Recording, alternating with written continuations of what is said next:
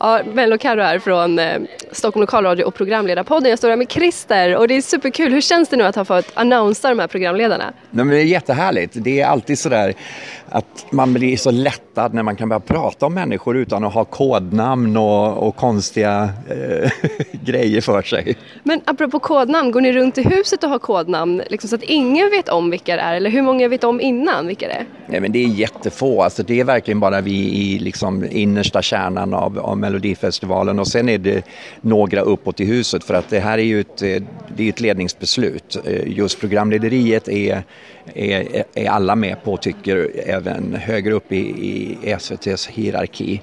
Så att ehm, det är, det är väl kanske ett tiotal som vet det. Men det, det, är extremt tysta människor så att vi säger ju inte namnen överhuvudtaget utanför rummen. Så hur går det till då när ni ska börja planera 2017 års och så sitter ni där och bara hm, nu ska vi prata om programledare. Mm. Namedroppas det lite eller hur, hur går arbetet till?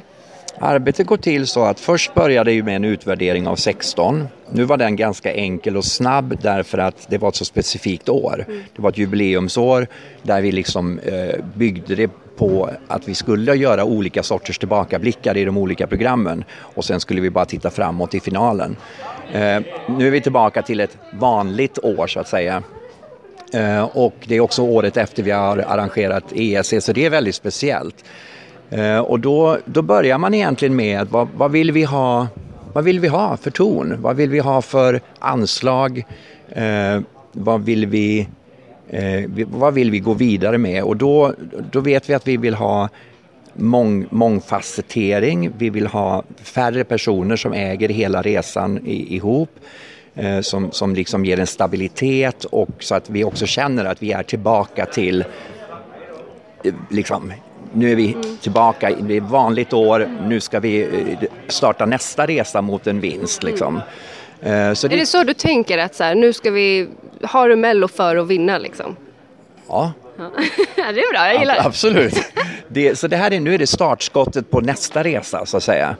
Och då ska de kunna vara mångfacetterade, de ska kunna ha, variera i tonalitet, det ska vara spännvidd eh, i målgrupper eh, så att vi når hela vår publik så att alla har någon, att, precis som tävlingen är egentligen, något för alla. Eh, och det tycker jag att vi har. Eh, de ska också, det ska finnas ett mått av glamour, det gör det. De ska ha entertainer-kapacitet, det har de.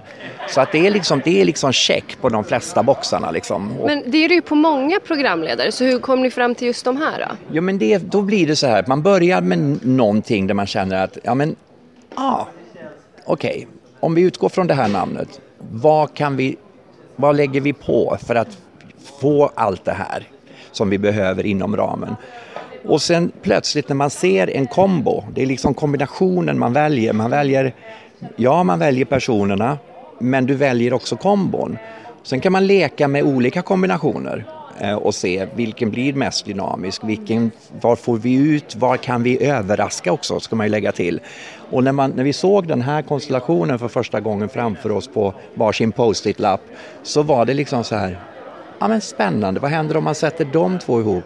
Hmm, och de två, och då, och då plötsligt började det växa fram väldigt, väldigt generiskt idéer, saker. Det skulle de kunna göra, skulle de kunna göra det? Ja, men kan de det? Vi får se. Alltså, mm. Så vi kommer ju utmana dem också att testa nya saker och vi, kommer, vi hoppas ju att vi ska kunna överraska publiken med att de visar saker som de aldrig har gjort förut och sånt där. Ja, men, och det, jag tycker det är så kul för att när jag ser de här tre så, så här, rent varumärkesmässigt Melodifestivalen så utstrålar ju de alla det. Inte för att de har varit med utan för att det är folkligt och det är glädje och sådär. Tänker ni mycket på det också? Oerhört mycket.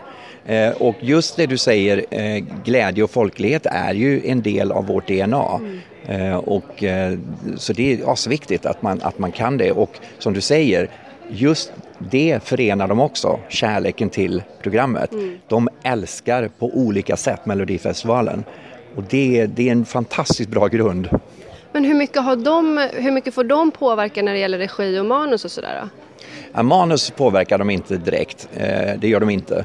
Däremot eh, är de ju delaktiga i hela processen att skapa nummer. Mm. Eh, och vi, vi utforskar ju var, var de har sina gränser vad det gäller vad de vill göra på scen eller tror sig klara att göra på scen och så får vi utmana det ibland men, men de, eh, det är klart att de är med i processen att skapa sina nummer, absolut. Och då måste jag ju också ställa som sista fråga, eftersom jag driver en podd som heter Programledarpodden där jag intervjuar programledare, eh, så är det ju många som lyssnar på den som undrar, men jag vill också stå där, eh, och som jag, som är helt okänd. Så här, vad behöver vi göra för att ändå komma till en sån tung programledarpost?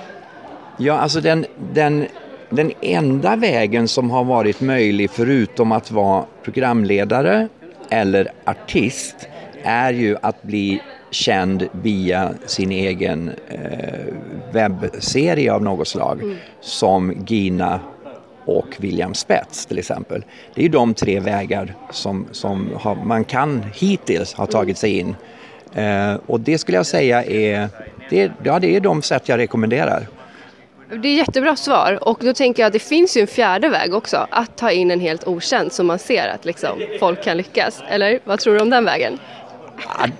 Den, den känns ju väldigt igenslagen den dörren. Jag, jag, jag är inte besviken nu Christer. Man kan ju så här, 2018 kan ju bli ett år att liksom, mm. att eh, man vågar woosh, satt, tänk, tänka nytt liksom. Ja, det, absolut. Och jag kan ju tänka mig att, att säga den där och så gå upp till programledningen och säga jag har tänkt en grej, vad tror ni om det här? Vi får se vad de säger. Vi får far. se, men jag har några år på mig, eller något år på mig att förbereda mig i alla fall. Ja, och du vet ju att jag är sugen så ja, you know my face så jag vill till det. Ja. Men tack snälla för att jag fick intervjua dig, du är så tack. duktig på att svara på frågor.